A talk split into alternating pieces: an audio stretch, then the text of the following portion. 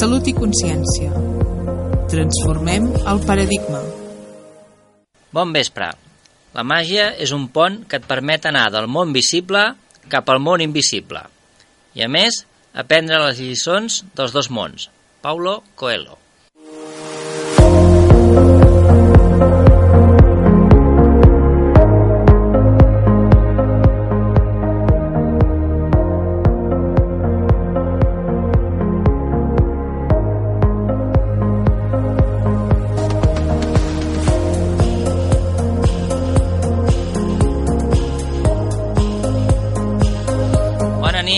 Salut i Consciència, un altre dimecres aquí a les 8 del vespre, a Ràdio Manlleu. Uh, estem aquí per difondre, unir mons, canviar paradigmes i el que surti. Uh, bona nit, Dolors, què tal? Hola, bona nit, molt bé, Com va això? molt bé. Molt He bé. arribat una mica agitada avui amb el temps just, però només arribar aquí ens comencem a relaxar i entrem en A, harmonització. a fluir, eh? A fluir, sí. A, a, a, arribem pim-pam i ja estem a l'aire. Sí, sí, sí, total. Molt bé, molt bé.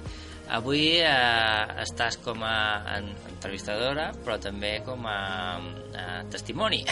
També. Sí. També, eh? Sí.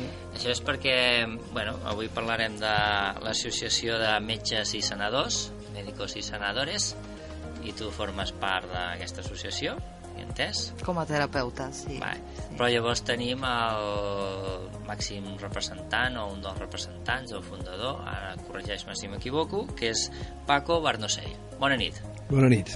Què tal? Doncs pues bé, aquí a Manlleu, a, Aquí, eh? a explicar coses. Molt bé. Vens a... Vius per aquí o vens de...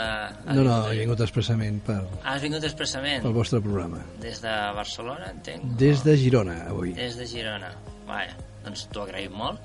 Vale, eh, Paco Barnosell és doctor en Medicina i Cirurgia, Neurologia, Neurofisiologia, eh, rehabilitador i també eh, Medicina Integrativa.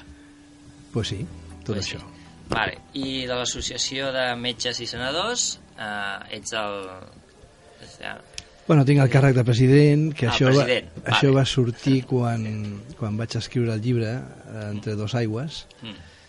Eh, de l'editorial Luciérnaga, que és Planeta, Mhm. i vaig... Eh, va vindre tanta gent a, a la presentació del llibre que vaig pensar que era important arribar més lluny. Mhm. I llavors eh, van fer dos o tres presentacions que van vindre 500, més de 500 persones, que amb un llibre... Pues, no, Qui, quin llibre has dit? Perquè Entre seu- dos aigües. es Entre dos aigües. Eh? La frase que hem començat també Sí. anava entre dos mons, visible i invisible, no?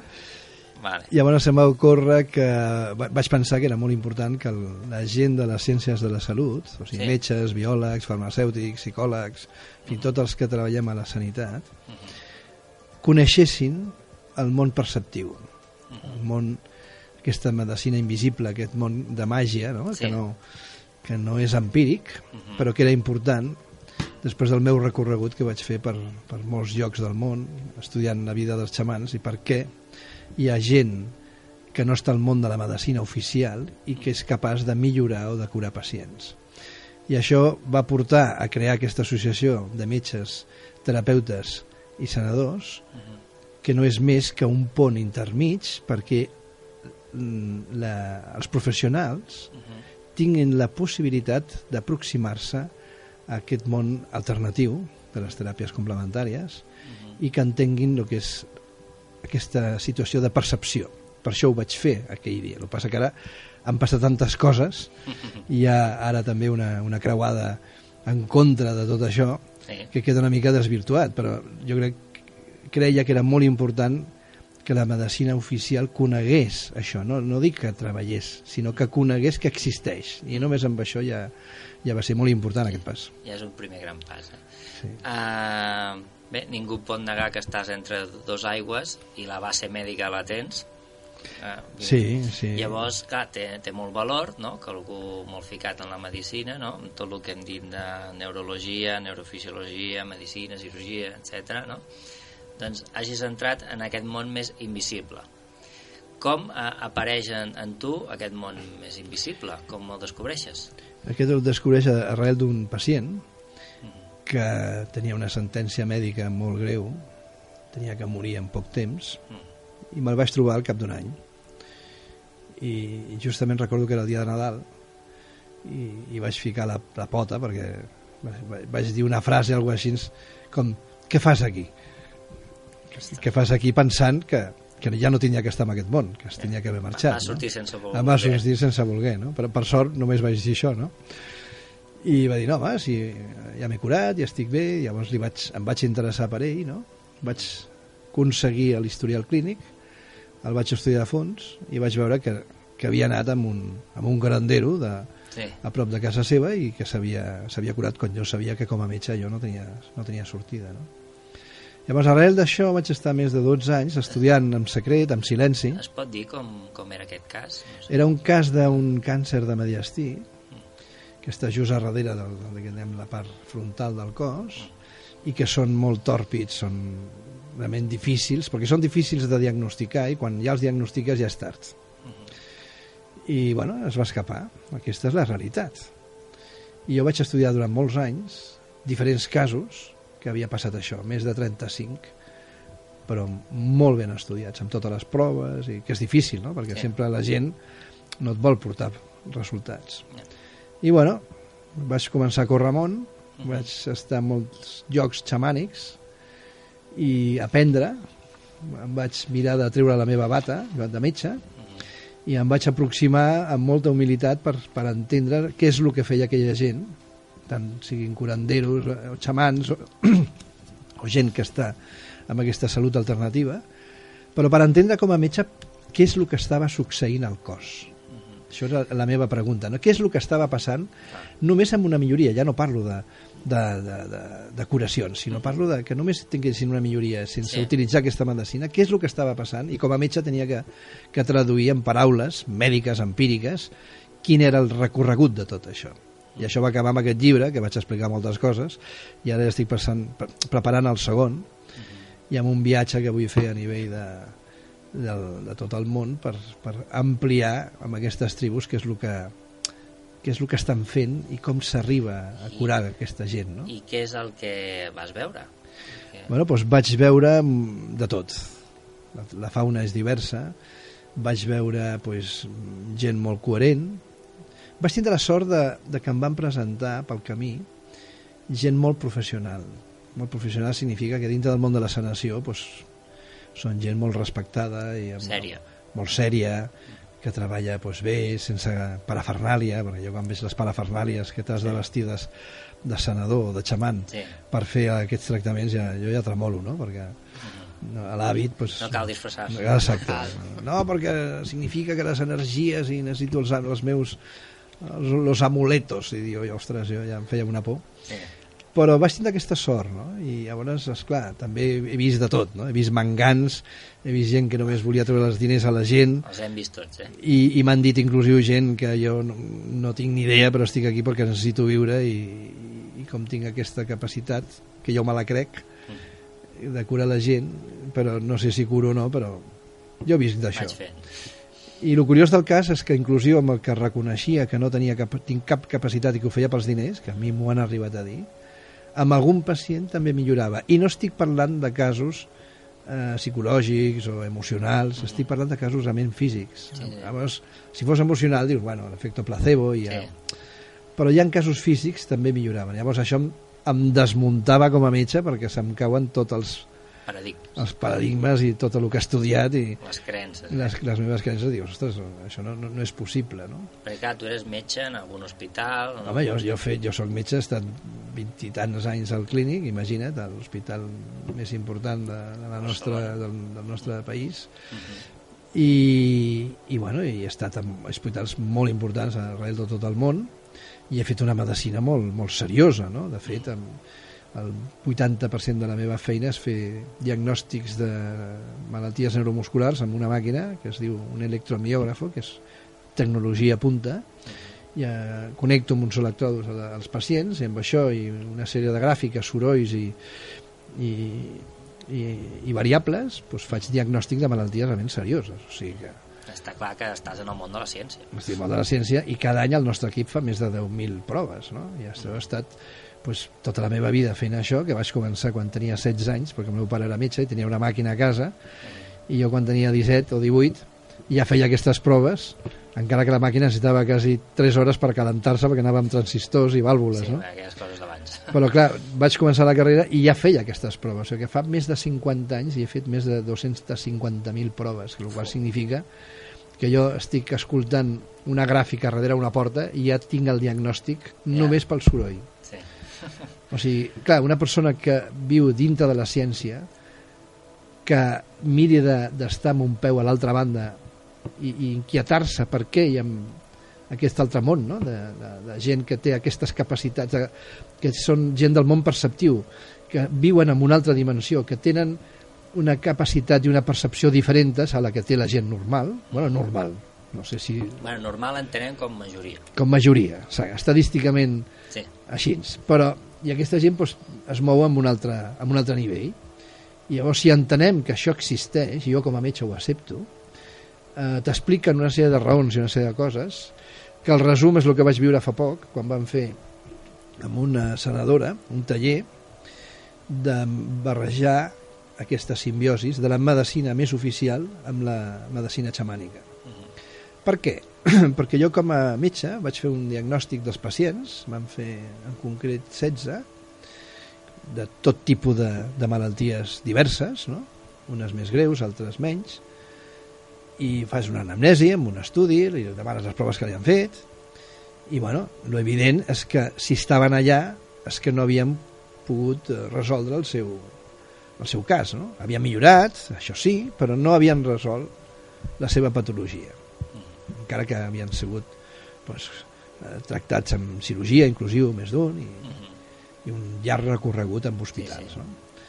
Llavors venen i amb, els, amb el, la senadora, la senadora el visita, entra en una espècie de tràngol i, i, i aporta d'aquesta dimensió que pels demés mortals és desconeguda, però que porta una informació de per què aquella pacient o aquell, aquella persona doncs, ha tingut aquella patologia i, i què és el que ha destorsionat i quina disfunció té, però des del cantó més energètic, més a dintre de l'ànima de la persona. Uh -huh. És que el metge és, és incapaç de poder tindre aquesta informació. Ara pot un tindre amb una anamnesi normal, amb una consulta. En canvi, que vingui una persona d'aquest caliu, pues, te dona aquesta informació. Una altra cosa és que després treballis amb gent professional i bona i la informació que t'aporta sigui la més idònea perquè tu després la puguis utilitzar. Que aquí està el quid de la qüestió. Sí.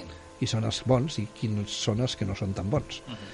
Una vegada amb aquesta informació te n'adones que la fórmula de la, de la malaltia sobre unes variables que no estaven ni... eren impensables, no? O sigui, nosaltres tenim una fórmula per qualsevol malaltia de 3 o 4 o 5 variables i ara si fiquem en un senador podem ficar doncs, 10 més.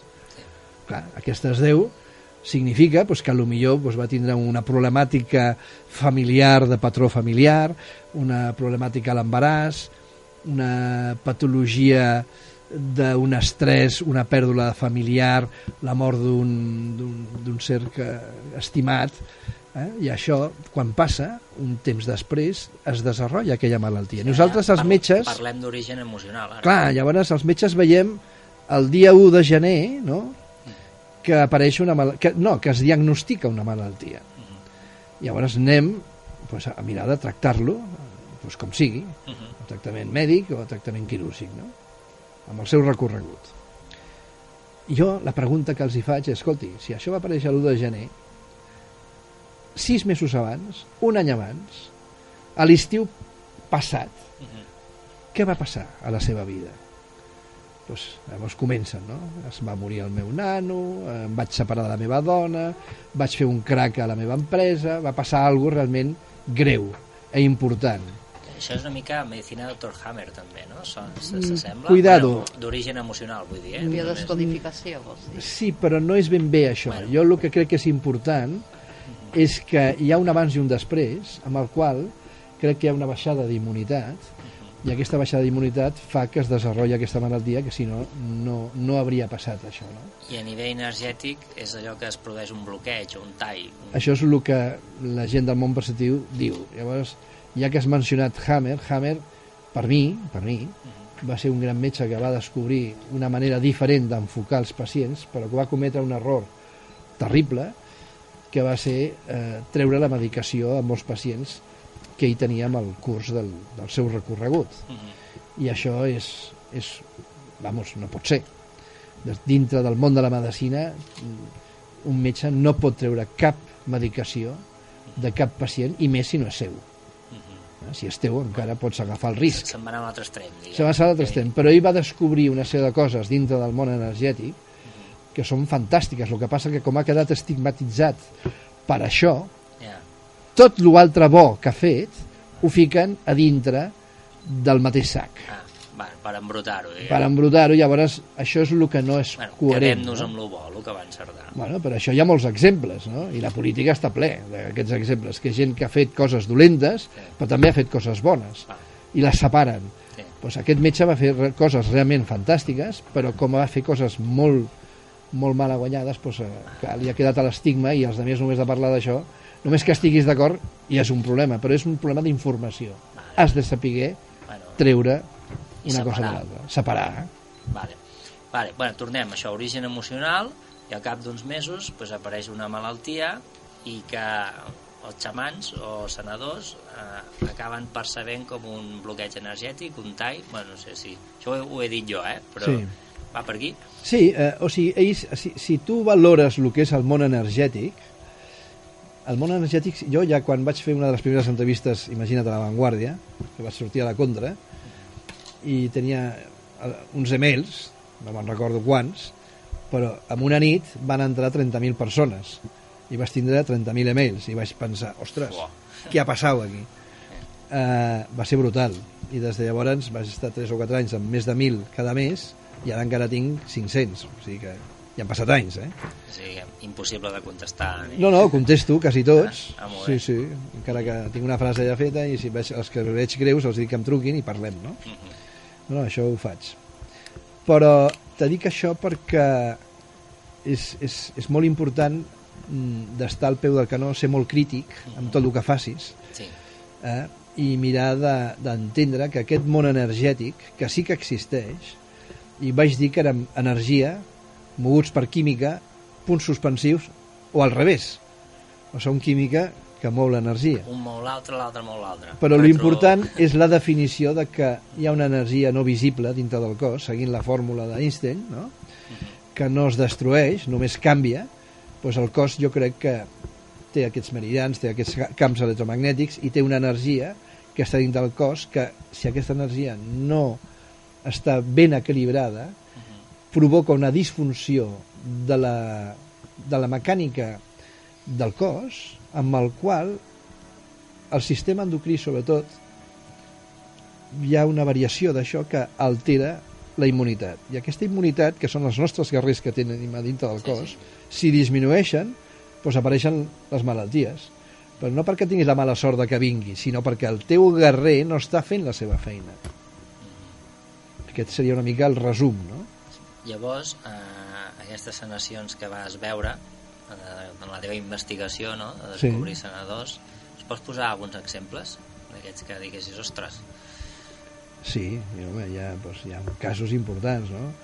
Mira, eh, una de les coses que més em van frapar va ser que, com a metge, saps, saps, quan hi ha una, una malaltia greu, més o menys el que dura. Pots equivocar una mica, però, però sentència de metge vell Sí. és fotuda perquè afines. sí, Poden ser sis mesos, vuit mesos, i t'ho pregunten, i, bueno, no, no poder al pacient... Al pacient li has de dir el que, el que fins a on vols sentir, no? Has Sí. de ser molt prudent amb això sí, però la família està darrere i a vegades et pregunta. Llavors tu saps que sis mesos no són tres anys, ja. ni quatre anys, ni cinc anys. Llavors jo he vist casos que evidentment hi havia una problemàtica greu i que van durar 6, 7, 8 anys. És que quan tu tens una parella que ell té 40 anys i tenen un fill de 6 o 7 i els hi dones 10 anys més fins que el, el nano pues, té 18, no és el mateix que si el pare se'n va amb 8 Sí, sí, no té res a veure. eh, no té res a veure, és una altra història no? eh, llavors sí que he vist casos realment de tot eh? he vist tumors, càncers, malalties degeneratives sí que haig de dir que hi ha, hi ha, hi ha un, una malaltia que és la L que I això és l'esclerosi múltiple. no, l'esclerosi No, lateral ami- amiotròfica Ah, vale, vale. és més fotuda que l'esclerosi múltiple. Que eh, hagin fet el que hagin fet, cap pacient dels, dels que hem tractat i el dels, dels que s'han creuat al meu camí he pogut tindre la més petita milloria. I en canvi sí que he tingut casos de, de càncers, de tumors, de malalties degeneratives que sí que s'han invertit els resultats amb uns percentatges que, cuidado, estem parlant d'entre un, un 12 a un 15%. No allò que diuen en molts puestos que més de la meitat o el 80% jo els, els milloro i els curo, això és mentida. Els estudis que jo he tingut i que he seguit, arribar a un 15 a un 18% ja eh, per mi és, és excepcional. 18% són 18 persones de cada 100, Sí, 180 de cada 1.000, vull dir que són, són persones. sí. Però és evident que al llarg d'aquest recorregut he vist coses molt greus que ha passat això, amb gent pues, que aquests senadors, aquesta gent que, aquesta, que té aquesta capacitat perceptiva, pues, ha pogut fer aquestes millories. I aquests senadors com, com actuaven? Com... Hi ha de tot, perquè ha corregut per tot el món, ha estat des de Sud-amèrica, Àsia, Europa, a tot arreu. I actuen des del món energètic, fent un, del tipus de la sanació energètica, no? com pot ser tocar l'energia és com tocar doncs, la gent que està acostumada i sent això, doncs, la sanació, el reiki, eh? això és, és un tipus de, de, de tractament de teràpies complementàries. Després hi ha altres, hi ha, pensa que jo he comptat 387 teràpies al nostre país, Diferents. diferents. Déu-n'hi-do. Sí, no I- sabia que n'hi havia tantes. 387, de les quals hi ha més, però són la barreja de vàries, Sí. que llavors ve un terapeuta i li posa el seu nom. Uh -huh. Eh? Sí, I- tothom acaba... i fent, fent una mica amb, amb eines de dos o tres a la vegada. No? A L'Anderson Center d'Estats Units té aprovades 14 teràpies. 14. Ah, Eh? I no hi ha 15, hi ha 14. I el Reiki no és una d'elles. No és. No és una d'elles. Ho estan estudiant, estan parlant... Vale? Explico això perquè enteneu que si al nostre país hi ha una de les primeres que entra és el Reiki, Sí. la majoria dels hospitals la té, que és la primera que entra i és la més difícil de poder demostrar. Sí. El que passa que com La el pacient invisible. és la més invisible, la menys demostrable, però el pacient sí que nota una milloria espectacular de, del seu estat emocional i físic. Sí. I és clar, això, això és bon rotllo, i com no fa mal a ningú, doncs és la primera que entra. Però, evidentment, hi ha llocs aquí, a, Catalunya, que estan fent això, i que fan teràpies i estan començant doncs, per 3, 4, que són les, les que fan a l'Anderson Center, que estan aprovades. No? Estem parlant de, Anderson Center, què, què és ben bé? l'Anderson Cancer Center, que la paraula càncer l'han tatxada, Vale, i ara és Anderson Center, que és un lloc que fan pacients cancerígens, vale. I que fan aquestes 14 teràpies, doncs està el mindfulness, està la relaxació, està l'acupuntura, la, l'arteteràpia, musicoteràpia, hi ha tot un, un, un reguero de, de, de coses que es poden fer i que estan començant a fer-se al nostre país. Però és que tot el que no sigui aquestes, el metge l'has de respectar. Hi ha una direcció, hi ha un hospital, hi ha altres metges que no creuen en això. Llavors, tot el que no sigui empíric i demostrable no es pot fer en aquests puestos. Tu Empíric? pots fer-ho amb una consulta a casa teva, però no ho pots fer en un hospital. Lloc, sí. Empíric és estadístic, diguem. És, Empíric prova, és- és a base prova i resultat. Sí, prova, el que passa resultat. que ara, ara hi ha una, una rebel·lió de la medicina més convencional que ha començat amb l'organització metge col·legial que estan en contra de, de qualsevol cosa d'això i llavors els hi diuen que la gent que parla d'això doncs, eh, és com una secta no? i que es fa una pseudociència quan no és així, pensa que... L'empirisme també és una ciència, entre cometes, perquè Sí, però és que no, demostra, no podem acabar en plan inquisició, no? de, Sí. de, que tot el que no sigui empíric no, no es pot ni parlar. Vull dir, això no pot ser. Una altra cosa és que ho facis o no ho facis a segons quins llocs. Però escolta, el que no pot ser és que no es pugui, que sí que es pugui parlar. Llavors parla gent que no té informació i no té idea d'això. Llavors això és el que no em sembla bé, no? I, eh, bueno, en un país amb la qual no hi ha una reglamentació dintre de, de la llei de la salut de les teràpies alternatives, perquè no la tenim, eh, l'any 98 hi ha la resolució 75 de la Comunitat Europea que implica que tots els països tenen que desenvolupar les teràpies complementàries dintre del seu sistema de salut. Escolta, estem al 2017 i aquí ningú ha mogut fitxa, Quin any encara. has dit? 98. Bueno, quasi 20 anys. Sí, sí.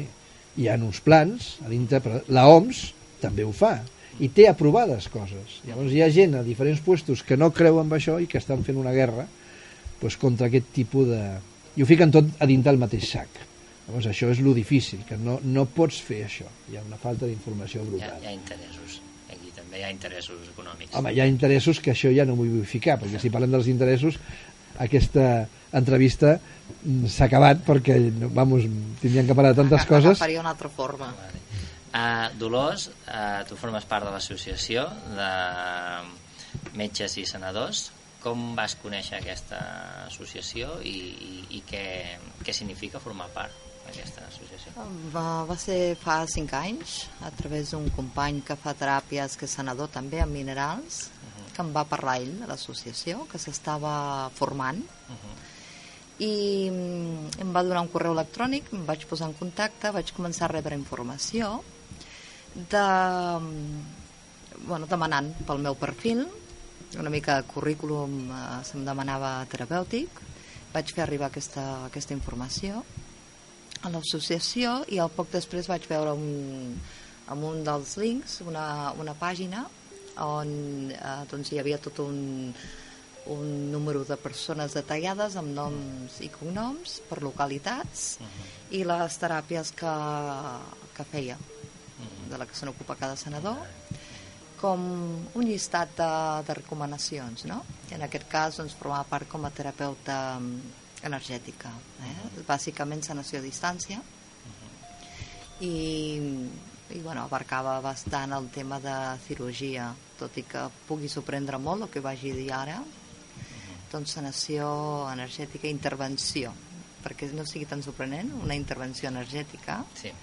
a distància vale? per no dir cirurgia astral qui i de aquestes astral, determinacions cirurgia que, que no s'acaben d'entendre no? del Bueno, tot és eh, energètica. sí. Molt bé. I què, què ofereix aquesta associació? Què, què t'ha portat? Uh, molt coneixement en...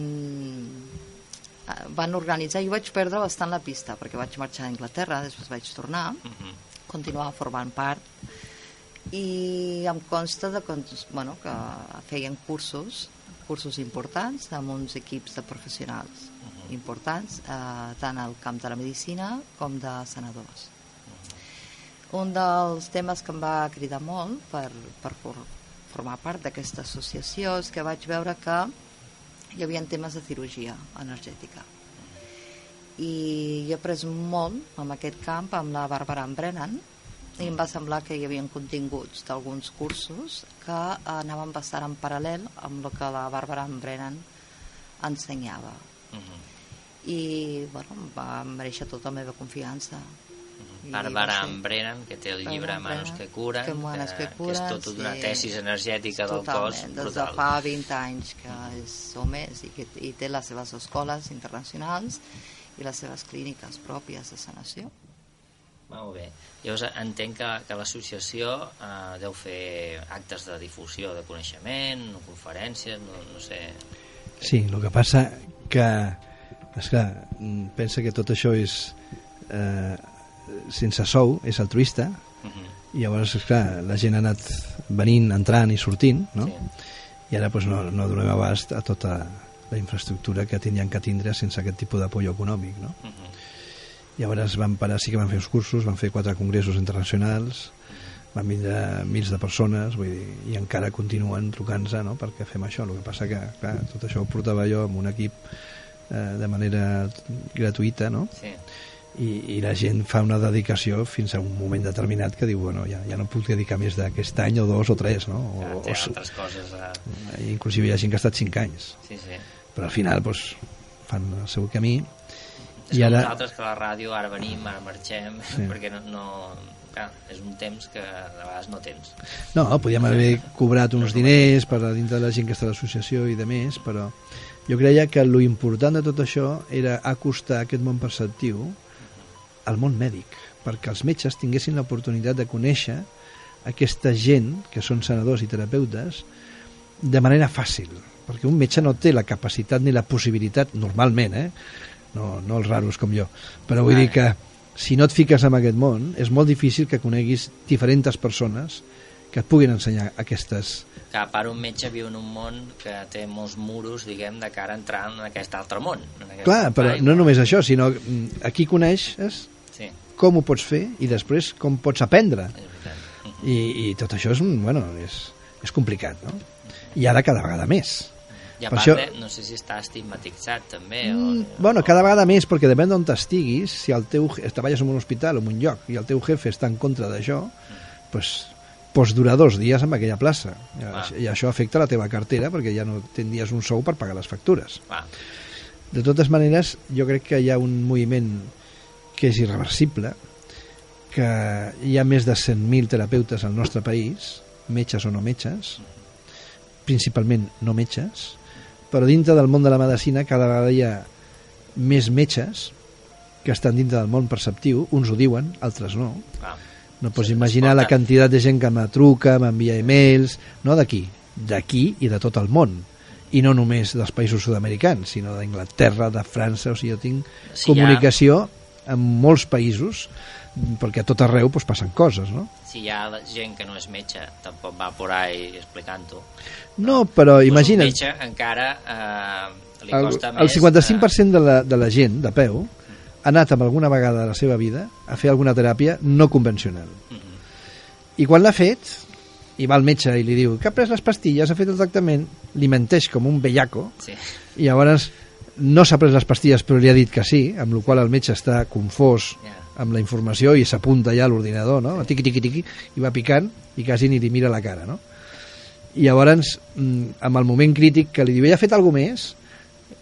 Els pacients normalment no li diuen que ha fet un tractament de teràpia complementària, per la por de que no el tregui de la consulta a gorrazos, no? que el foti fora, O que a patades. que somriguin de tu... o que- Bueno, hi ha alguns que sí, ah, doncs això li anirà bé i tal, no?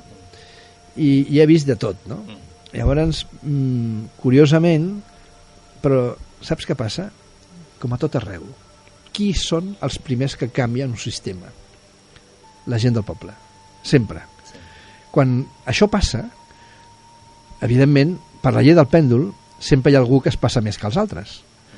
I llavors ve la llei i diu, "Xt, cuidado, fins aquí. Eh? Perquè això ho tenim que controlar una mica, perquè si no, els quatre bojos, que són, no són els 400 que estan allà, sinó quatre, s'han passat de rosca i els tenim que posar una mica amb el camí, no? Sí. Bueno, doncs això està bé que succeeixi, però això no passa fins que el poble, de peu, mou fitxa. Mou fitxa. Llavors va als terapeutes. Els terapeutes descobreixen coses, els senadors igual, i llavors ve un metge i diu, ostres, tinc un familiar que no me'n surto, vaig a veure si amb això doncs vaig bé. Estic parlant de 10-15 anys enrere. Sí. Se'n surt. I diu, ostres, doncs si això va bé, vaig aplicar-ho també amb els meus pacients. Però, clar, després ho comenta amb altres metges i se'n riuen d'ell. Sí. Però ara ha arribat un moment en què hi ha tanta informació de tot que el que no vol tindre la informació és perquè és una mica burro, perquè només amb internet Sí. o amb les relacions que tens és mm, vamos, molt possible de que sàpiguis de lo que estem parlant. Sí. I s'ha obert una porta diferent amb un canvi de paradigma que això no ho pararà ningú. O sigui, la medicina del futur serà una medicina vibracional a mig camí dels dos mons, del Em. món més oficial, més empíric i del món que no es pot demostrar, Entre la química i la màgia... sí, entre la química i la màgia, perquè fixa't, eh, avui, cu- curiosament, m'ha cridat l'atenció. Estava esperant fent temps a prenent un cafè i ha caigut a les meves mans el, com es diu aquesta revista econòmica, l'Economia? El, no, Cinco Días, eh? que és una revista econòmica, purament econòmica. I, i parlava d'una sèrie de, de professionals que estan creant un, eh, aquí a Barcelona una empresa molt important de, de tecnologia punta, no? Llavors, una cosa que m'ha sorprès és que gent que està ficant diners amb uns sponsors importantíssims, amb molts diners a sobre la taula, una de les seves màximes que deien era que no que posaven aquests diners per fer aquesta investigació, però que els resultats, si no eren absolutament empírics i que alguns d'ells no es podien demostrar, que també posarien els diners allà a sobre. I els diners sempre tenen por. I el diner no va parar en un lloc que no sigui demostrable. Clar, això m'ha fet pensar de que està canviant tant la societat a un ritme que d'aquí pocs anys no tot tindrà que ser demostrable si realment al final el resultat és bo. Què vol dir això? Que potser no puc demostrar el que estic fent com a tractament, Però funciona. però funciona. Si funciona, podrà ser acceptat. El que passa que, cuidado, que aquí és un terreny relliscós perquè està la llei, estan les normes, tenim que complir una sèrie d'articles, però jo crec que està passant amb, amb moltes coses diferents, no? I si passa amb l'economia i passa amb, està amb la política, pues Amb- la medicina no és, no és un germà menor. En la indústria també està creixent molt el, el tema aquest de la psicologia d'empresa, de l'organització sana, està creixent molt, el que passa que, que estem com al principi, no? Que, que no arriba. I no sé si hi ha un pèndol que, que no es resisteix a, a Mira, deixar l'extrem. Quan hi ha un canvi de paradigma, eh, sempre hi ha dues forces. La gent que, que són els, diguem, els, els que estan tirant del carro, els que volen canviar les coses, no? i després els que estan en contra perquè no volen canviar l'estatu quo. Tenen por d'això, Van perdre el seu poder. el seu poder, però moltes vegades ni és això. És una falta, una manca d'informació i no volen entrar ni siquiera saber d'acabar, no? Arriba un moment que les coses van posar a puesto. I jo ho veig, estic cansat de veure que hi ha metges que estan absolutament en contra i que tenen la desgràcia de que la seva dona és una experta en Reiki. Llavors, esclar, tenen una lluita a casa, Sí, una lluita a casa brutal. Sí. Brutal, i que això és com les dones quan no les deixaven votar el 1902, em sembla que era, no? I te trobaves un director d'un banc i la seva dona estava al carrer amb la pancarta, no? Ja, sí. I, bueno, i, i les Bona- bona criminalitzaven. comparació. bueno, sí. pues ara estem en un moment que a dintre de les famílies passa això. Mhm. I, Està bé. i llavors eh, significa que vulguis o no, tot això anirà canviant a poc a poc i es anirà dimensionant i posant al seu puesto mm, diguem, d'una manera coherent, no? Mhm. I jo crec que ens en sortirem. Bueno, mica en mica. Eh? Molt bé. Uh, bueno, eh, creus que ens en sortirem? No? Quins són els següents passos per en sortir-nos? Cap a on? O sigui, què està, fe, què està fent bé ara la medicina convencional i què no, diguem? La medicina convencional, com sempre, està investigant moltíssim i la, eh, diguem la vida d'un hospital amb la seva tecnologia d'aquí, ja ni siquiera 10 anys, sinó d'aquí 5, serà tan diferent del que estem veient ara, els canvis són tan brutals, o sigui, jo que, que sóc neuròleg i que he vist la desgràcia, inclusive amb amics meus que han tingut accidents de moto i s'han tallat l'esquena i han, han quedat paralítics, i ara veus casos ja que estan fent amb cèl·lules mare i estan eh, tractant aquestes persones no? amb uns electroestimuladors i amb Sí. tractaments que comencen a moure aquestes cames i aquests muscles Ah, sí? Sí, Però això, això encara no ha sortit a les sí, notícies. home, això sí? tu diries ja ha sortit Ah, sí? això ja, ja, No, això ja ha sortit home, en plan, és molt important, això. cuidado, estem parlant d'investigació Sí, sí, no que vagis a la farmàcia a comprar l'aparell perquè això No, funcioni no, no, no. però si això ja ha succeït la porta que s'obre aquí és brutal Brutalíssima. Llavors significa que, com en tot, anirem avançant, sobretot en medicina d'urgència i la medicina de les grans malalties. No? Eh, S'estan descobrint a nivell de, del món del càncer doncs, molts principis actius que, de com funciona el cercle i sobretot com es puja aquesta immunitat. Això pot canviar molt el món nostre de la sanitat d'aquí de 5 a 10 anys. Però si a més d'això entrem dintre del món perceptiu i podem mirar d'arribar més lluny amb l'origen real de la malaltia, sobretot les cròniques i les que fan la distorsió de la gestió emocional, eh, podem fer un canvi espectacular del recorregut d'aquesta malaltia. Per tant, origen emocional, si es tracta l'emoció, pot canviar la malaltia. Pot canviar... Jo, jo explico una cosa, perquè cada vegada estic investigant més a nivell de l'ànima, no? I a l'ànima és molt fàcil d'explicar aquesta variable que està dintre de la fórmula d'aquesta malaltia. Ara, avui dia, tothom coneix el que és un ordinador i que hi ha una cosa rara que es diu Google Sí. que tu li preguntes el que sigui, que és com les passa, que li preguntes i en dos segons te diuen 100.000 resultats de la pregunta que m'has fet.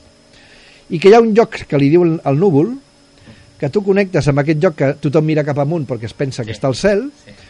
i que, bueno, des del núvol baixa aquesta informació al teu ordinador i te dona la resposta. Això ho entén tothom, no? Sí. Bueno, doncs jo com a metge estic investigant si la nostra consciència està amb un link al núvol i no està físicament dintre d'uns enllaços químics i cel·lulars a dintre del nostre cos, que ja no vull dir ni siquiera el cervell, perquè hasta dubto de que estigui per aquí. Bueno, aquí ja, amb la Dolors hem parlat del reiki, de canalització, de vides passades, de Bueno, però ara t'ho imagina't Ah. el que estic dient com a metge Sí. de si existeix aquest link a nivell de consciència que està com al núvol, què fan els hackers? Agafen un virus, el fiquen al núvol i del núvol baixa el teu ordenador, te l'ha infectat i te l'ha fotut. Sí o no? Sí. Vale. I això ho entén tothom. Pues jo el que intento és descobrir si jo podria fer un tractament a nivell energètic a través d'aquest link que tenim d'aquesta consciència que està en aquest lloc, en aquesta altra dimensió, i d'aquest lloc que baixi al PC, que és el cos físic, Sí. i que recuperi el, amb un sistema d'autosanació, d'autocuració, aquest cos. Ah, I això eh, deus haver trobat persones que, que, ho, que ho fan. Bueno, Una altra cosa és que es vegi o que es demostri. No, aquí que... lo important és el recorregut d'això, i ara eh, la Dolors ens ho explicarà, però el recorregut de lo que estic dient, de com funciona aquest recorregut, és molt important perquè això tingui una solució, no? Llavors, clar, demostrar això, jo crec que de moment això és indemostrable, però només pensar en aquest recorregut, que això fos possible, ens permet plantejar la medicina en paradigmes diferents. Aquí, bueno, perdona Dolors, aquí entrem en física quàntica també, Absolutament. Sí, estem parlant de medicina vibracional. Ja, ja és això. perquè al Facebook tot d'una veig articles, física quàntica, els científics que han demostrat que hi ha altres dimensions, que hi ha connexions, tot això que estem Bueno, parlant. cuidado, eh, que al Facebook tothom parla de Sí, coses ja ho sé, i se les inventen i després Sí. que si tal, que si los telòmeros de la- de de l'ADN i tal, i moltes coses, després parles amb els, amb els genetistes i te diuen tot això és mentida, això no, no, no és hi ha, així. Hi ha articles, no? Si més no ajuden Perquè a hi ha gent la perceptiva, no? hi ha gent la perceptiva, inclusiu metges, que saben explicar de que aquesta sensació que ells tenen del món perceptiu i ho expliquen com si fos una realitat. I una cosa és la percepció de lo que ells puguin llegir en aquesta altra dimensió i una altra cosa és la realitat. I ho barregen. Llavors arriba un moment que la gent que ho veu des de fora, com pot ser tu, que et fiques allà a l'internet, la informació no és la correcta moltes vegades. Bueno, i ara parlo de... Els científics han trobat no sé què, notícia. No? Clar, jo no sé si és inventat o són científics de veritat. Però La majoria de les vegades és inventat. Has d'anar molt, molt al tanto eh? inclusiu, quan parlen de científics i jo mm, a vegades m'he dedicat a revisar els originals de lo que han publicat. I el que han publicat moltes vegades no és el que surt després a la, el que corre por ahí Mhm. eh? o, o un tros. Sí que és veritat un tros però no te diuen on està el fracàs d'aquella investigació. Te diuen lo bo però no te diuen lo dolent. Clar, el, el, con- el pro. Eh, He, he curat el pacient i tal, però no te diuen quan amb el camí han fracassat o, o la distorsió d'efectes secundaris que han fet amb altres. Bé, eh, parlant de links, del- d'aquesta zona al núvol, no? de Google, podríem estar parlant de lo que és internet, la intranet, no? la part interior o la part exterior d'informació. Aquí a nivell de senador hi ha un, o del món perceptiu hi ha un tema que és molt important eh, quan estem parlant d'un senador com a canal terapeuta que es cuida i que sana des de la- des d'una percepció més pura, des de l'amor, un amor que és curatiu, un canal que, que hi creu amb una font, amb un núvol o en un lloc on hi ha una informació pura, eh, serà un transmissor harmonitzador i sanador. És a dir, que eh, hi haurà més capacitat de tan, transmetre una informació d'un link més elevat. Que només per, per portar una vibració que és més elevada i més pura, serà molt més àgil i més fàcil com a senador, de portar a terme, de, tant de rebre les percepcions a nivell d'informació com portar a terme, poder ajudar el receptor amb la seva sanació, Quan Eh? més amor, més vibració. naturalment. Això vol dir que quan més amor hi ha més ausència de por, de dubtes i de temor. Mm. Si ha dubtes, estem limitant aquest poder d'informació.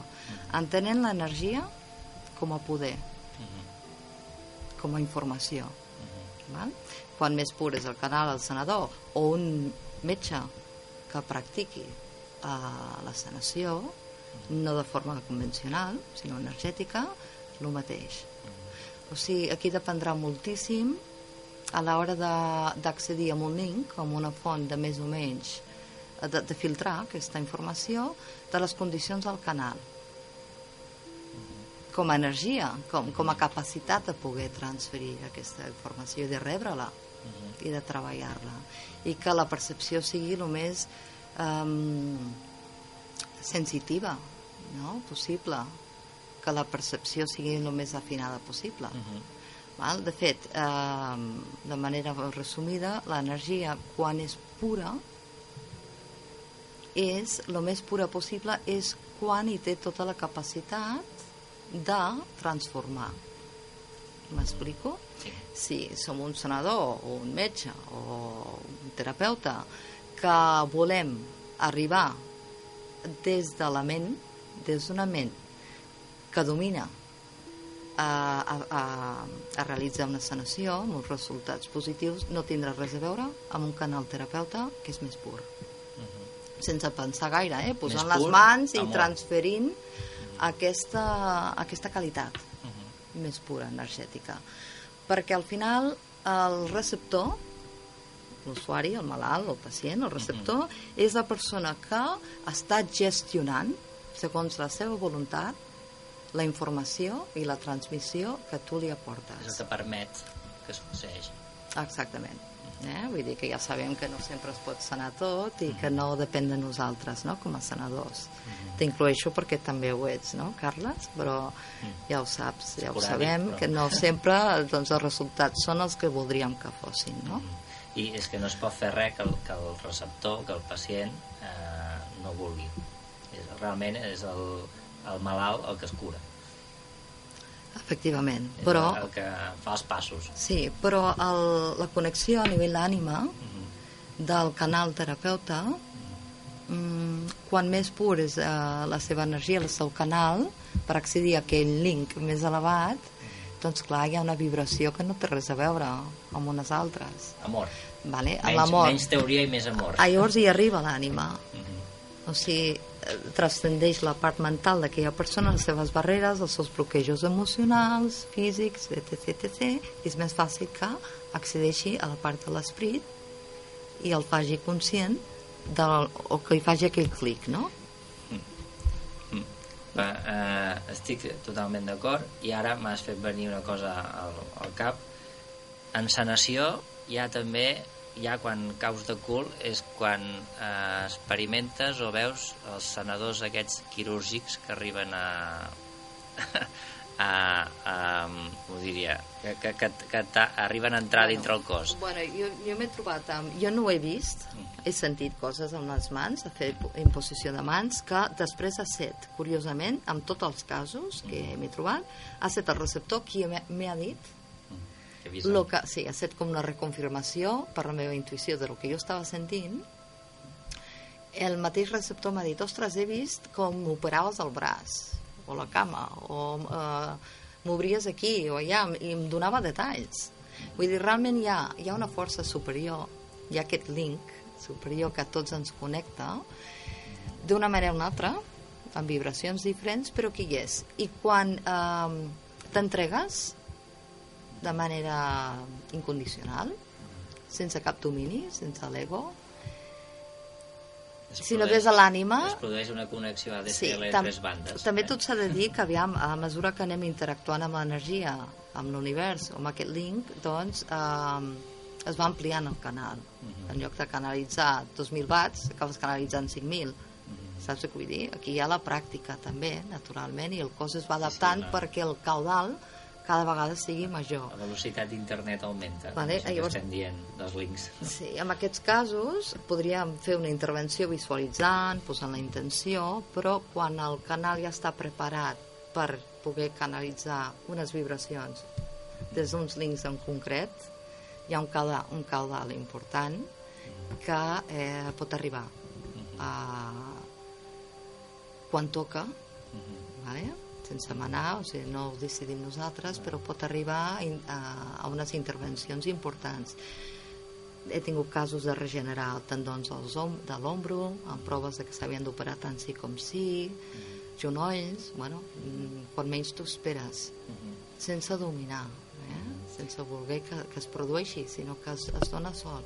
Aquí, Paco, suposo que no és el primer cop que sents parlar de...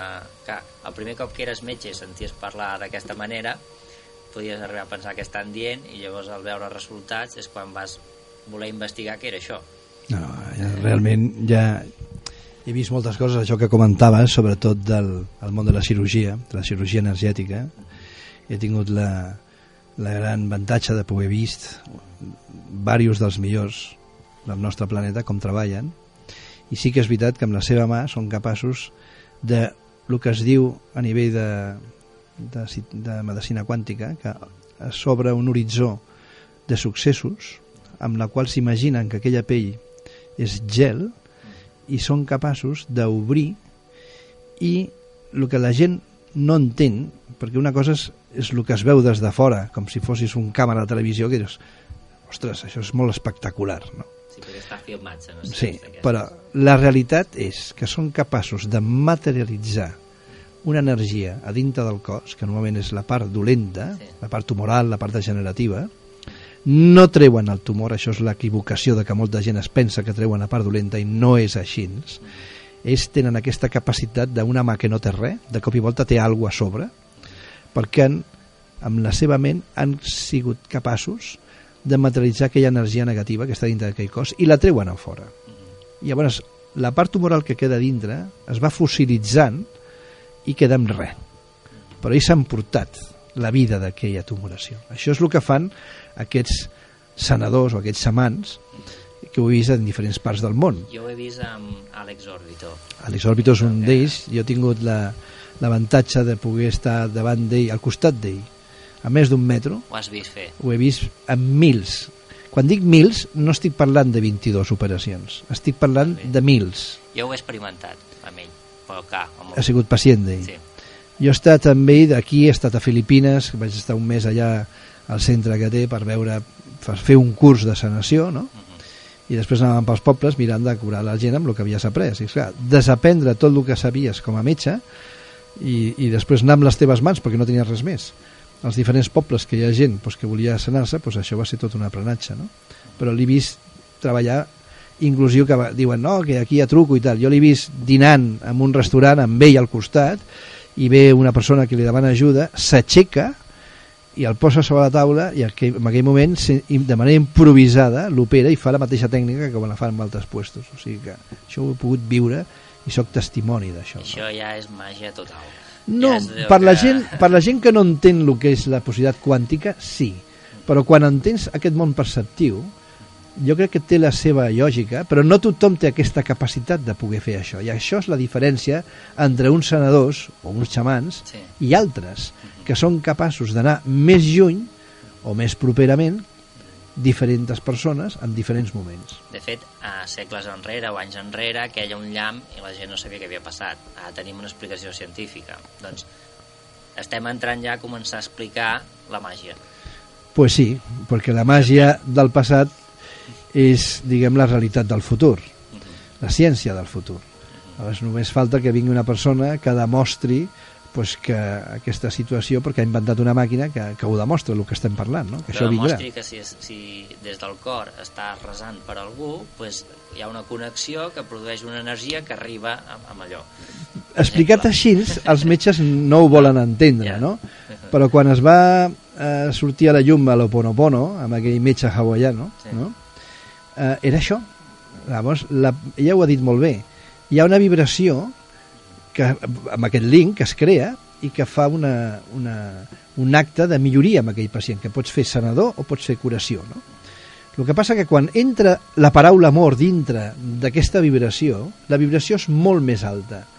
I és com treballar amb 10 megas perquè pagues 30 euros a Sí. qualsevol companyia telefònica perquè et posi la DSL, o de cop i volta estàs treballant amb 1.000. Sí. Ostres, tu saps el que és tindre 1.000 megas? Uh -huh. Són molts megas. Bueno, doncs aquests sanadors tenen aquesta vibració de 1.000 megas. Sí, sí. Jo a casa meva tinc, tinc els 10. Sí, sí. Eh? I si tens la fibra òptica tindràs els 100, Sí, però sí. no tens 1.000. 1.000 la tenen 4. Quatre. I un d'ells, a lo millor està en la NASA. Uh -huh. Vale? Bueno, doncs aquest avantatge que és, eh, amb ells els hi permet crear i treballar amb una vibració tan brutal que aquesta vibració pot ser sanadora de malalties menys greus. Molt bé, uh, llastimosament, bueno, llastimosament, perquè vo- voldríem continuar, no? El temps vola, uh, s'acaba. Uh, ets Paco Bartusell, uh, Associació Médicos i Sanadores, que és uh, per trobar internet, no? Sí. Uh, 3 W, asociación de médicos y sanadores.com, repeteixo, aso asociación Tens el llibre Entre dos aguas, Correcte. no sé si vols dir l'editorial o... Editorial Luciérnaga, nova, Uh -huh. que és una branca d'un segell de Planeta. Vale. I, bueno, si algú el pot trobar, suposo que entre la web i el llibre, doncs poden... Pues no sé sí. si vols dir alguna més. O... Bueno, tinc un, uns, uns blogs que, que ara fa temps que estic una mica parats, però que hi ha més de mig milió d'entrades, que la gent entra allà, hi ha molts capítols amb vídeos i amb, Ah, amb situacions de gent que m'he anat creuant el camí i ara estic confessionant el segon llibre. La continuació que vull acabar amb uns viatges que vull fer de nivell xamànic doncs, per diferents puestos de tot el món per explicar doncs, de manera més sofisticada el que estem parlant avui aquí.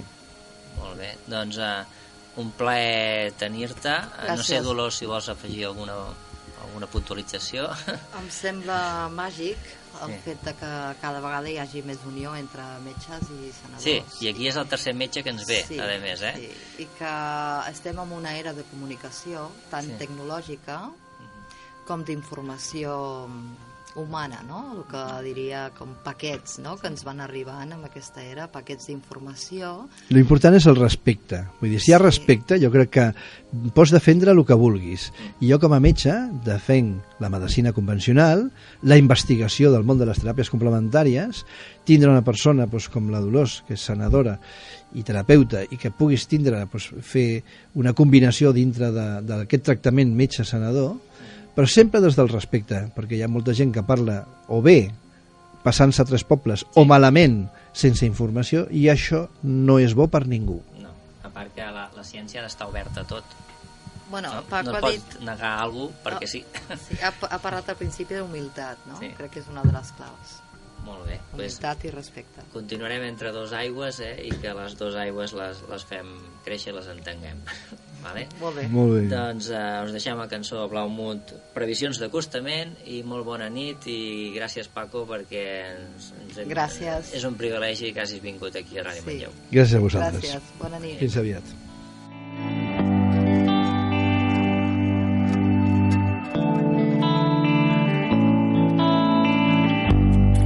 Des del sostre del terrat, diminut aixeca el cap. Telescopis i un perfecte càlcul de les hores. Previsions d'acostament d'un cometa sense vent. Ell espera tan pacient la línia recta dels seus ulls plouen decimals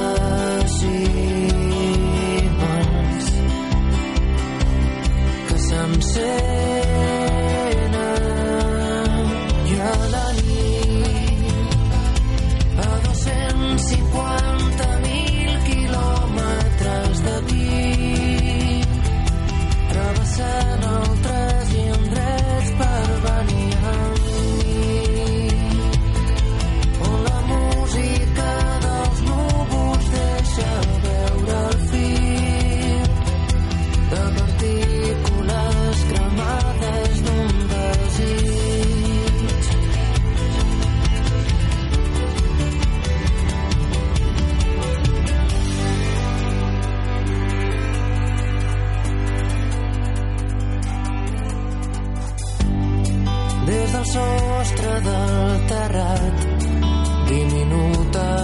ciutat. Diagrames per pensar com pot caçar una estrella. I fer llarg aquell moment. Tan fugaç com el present. Tan brillant com el secret més ben guardat del professor. Plouen de